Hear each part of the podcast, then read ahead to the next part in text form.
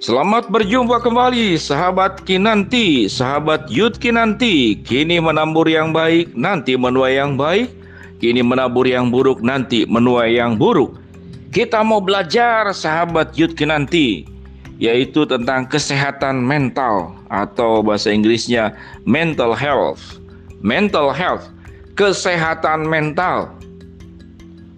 Ini Pak Wendy apa-apaan sih? Kesehatan mental, kesehatan mental. Emangnya kami-kami ini nggak sehat mentalnya? Hah? Kenapa? Kami ini kan remaja yang periang sukacita penuh dengan tawa, bahas-bahas mental health. Sakit mental dong saya. Sakit mental dong saya. Nah, ini dia. Kita berpikir bahwa anak-anak usia remaja itu tidak mengalami yang namanya bisa terjadi yang namanya gangguan mental yaitu kesehatan mental. Dan kalau anak-anak eh, teman-teman youth yang dikasih Tuhan mereka-mereka yang di usia dewasa mengalami gangguan kesehatan mental itu justru tidak tiba-tiba. Isu justru dimulai dari semenjak dia bahkan masih kecil, bahkan beberapa ahli bahkan dari dalam kandungan itu yang menyebabkan seseorang itu mentalnya sehat atau mentalnya tidak sehat itu dari mulai usia anak-anak bahkan saya usia remaja. Jadi ngapain sih bahas-bahas tentang mental health, kesehatan mental? Nah, ada satu yang menarik ini teman-teman youth di era-era pandemik itu ada satu survei yang dilakukan di sembilan negara tentang usia-usia anak youth ya, anak-anak remaja. Selama masa pandemik, 27% mengalami kecemasan, 15% mengalami depresi. Berarti ini udah berapa tuh? 42%, hampir setengahnya kan? Lalu apa penyebab yang kemudian kesehatan mental itu terganggu pada saat selama pandemik? 46% tidak bisa melakukan hobi. Kayaknya lebih deh. Betul kan? Kita nggak bisa futsal, kita nggak bisa berenang, kita nggak bisa kumpul-kumpul dengan teman. Yang biasanya kalau weekend bisa ke puncak, bisa ke mana. Sekarang kan nggak boleh sama sekali. Semua di masker, nggak boleh sentuhan, nggak boleh teriak-teriak. Keluar uap air itu, keluar droplet, drop, droplet. Nanti menularkan orang. Waduh, 36% kurang termotivasi mengerjakan pekerjaan rumah. Ya karena apa yang biasanya juga di luar rumah, jarang di rumah. Sekarang tiba-tiba di rumah. Sama orang tua, cuci piring, cuci gelas, pel, bersihin genteng. bersihin genteng. Orang tua macam apa suruh bersihin genteng? Ya genteng nggak usah dong mama papa dibersihin. Ya kurang lebih begitulah. Kan disuruh kerjaan rumah 43% wanita dan 36% pria memiliki persepsi negatif tentang masa depan. Nah, ini contoh nih. Jadi tanda-tanda orang yang punya kesehatannya terganggu, ah sudahlah, madesu, masa depan saya suram. Nah, udahlah. Ya tidak ada harapan, tidak punya motivasi, tidak punya keinginan, sikap optimis tentang masa depan. Waduh. Kalau anak youth aja yang kamu-kamu masih remaja, Gak punya semangat seperti itu mau jadi apa? Ya, 43% wanita, 36% lelaki punya persepsi negatif tentang masa depan. Kemudian 73% merasa butuh pertolongan saking stres sekali. 40% malas melakukan apa-apa. Waduh. Kalau 40% malas melakukan apa. Nah, itu tanda-tanda tuh tanda-tanda tentang kesehatan mental itu mengalami gangguan. Ya kamu-kamu sahabat Youth Kinanti, bagaimana mental kamu?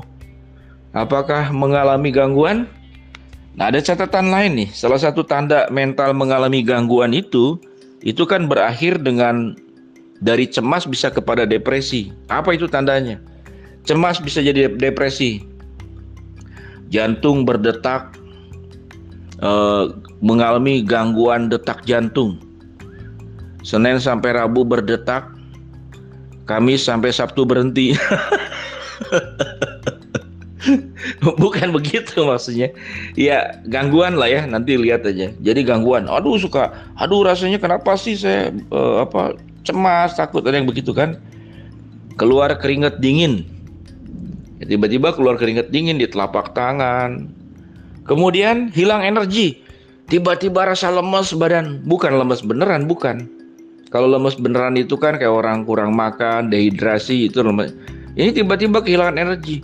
Ya badan ini yang mungkin badan sahabat Yudkin nanti yang 50 kilo tiba-tiba terasa berat badan itu 100 kilo nah itu namanya kehilangan energi kemudian ada rasa tidak berguna aduh saya ini nggak berguna saya ini tidak ada manfaatnya saya ini rasa tidak dimiliki tidak diinginkan rasa tidak berguna itu tanda-tanda kesehatan mental terganggu. Kemudian yang lebih parahnya lagi suka menyakiti diri, diri sendiri. Nah itu dia. Ada nggak nih sahabat Yudkin nanti yang suka silet-silet tangan, pakai peruncing pensil, pisaunya diambil. Ini Pak Wendy ini ngadepin yang begini sudah beberapa anak Yud ya dinasehatin, didampingin, kesepian mungkin ya atau banyak berantem sama orang tuanya.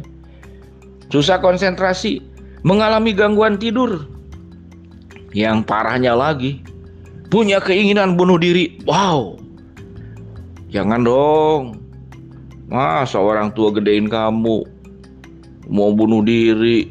Eh inget Waktu lahir biaya lahir berapa? Sebelum bunuh diri inget-inget Biaya makan kamu dari kecil sampai sekarang berapa? Biaya sekolah, ayo ingat-ingat. Baju, pakaian, sepatu, waktu dari orang tua. Eh, guru-guru yang ngajar kamu. Ayo ingat-ingat berapa? Jangan kalau mau meninggal, mau bunuh diri hutang ditinggalin. ya nggak begitulah ya. Jadi kita itu disayang Tuhan, disayang ya kalau namanya keluarga atau ada pengalaman-pengalaman yang nggak menyenangkan ya wajar saja sahabat Yud kita ini hidup di dalam dunia yang tidak sempurna kan orang-orangnya juga tidak sempurna di sana nah sahabat Yud nanti kita perlu terus meningkatkan kesehatan mental maka salah satunya ini ada obat untuk mengatasi kesehatan mental atau mental health mental health. Ya kesehatan mental obatnya dimakan sehari tiga kali satu kapsul. Bentuknya bukan tablet bentuk bukan cair tapi ini namanya obatnya Yesaya 41 ayat 13 apa bunyinya sebab aku ini Tuhan Allahmu memegang tangan kananmu dan berkata kepadamu janganlah takut aku yang menolong engkau Sebab aku ini Tuhan Allahmu memegang tangan kananmu dan berkata kepadamu, janganlah takut. Akulah yang menolong engkau. Yang takut masa depan Tuhan akan menolong masa depanmu ya. Jangan takut. Ayo, punya mental yang sehat ya. Mental mental health. Jadi punya kesehatan mental yang baik tetap semangat, tetap optimis. Kamu itu anak-anak remaja, anak-anak pemuda, harapan keluarga, harapan bangsa, harapan dunia. ya, jangan nambah-nambah orang depresi, orang cemas. Ya sudah banyak orang depresi yang cemas. Kamu jangan ikut-ikutan.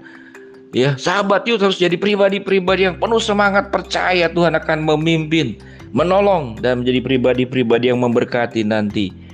Ya, itulah sahabat Yudki nanti Sampai bertemu kembali di dalam episode yang berikut dengan tema-tema yang menarik. Tuhan memberkati.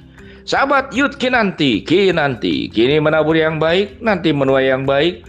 Kini menabur yang buruk, nanti jangan-jangan juga menuai yang buruk. Lakukan yang terbaik selama kamu masih remaja dan pemuda. Shalom.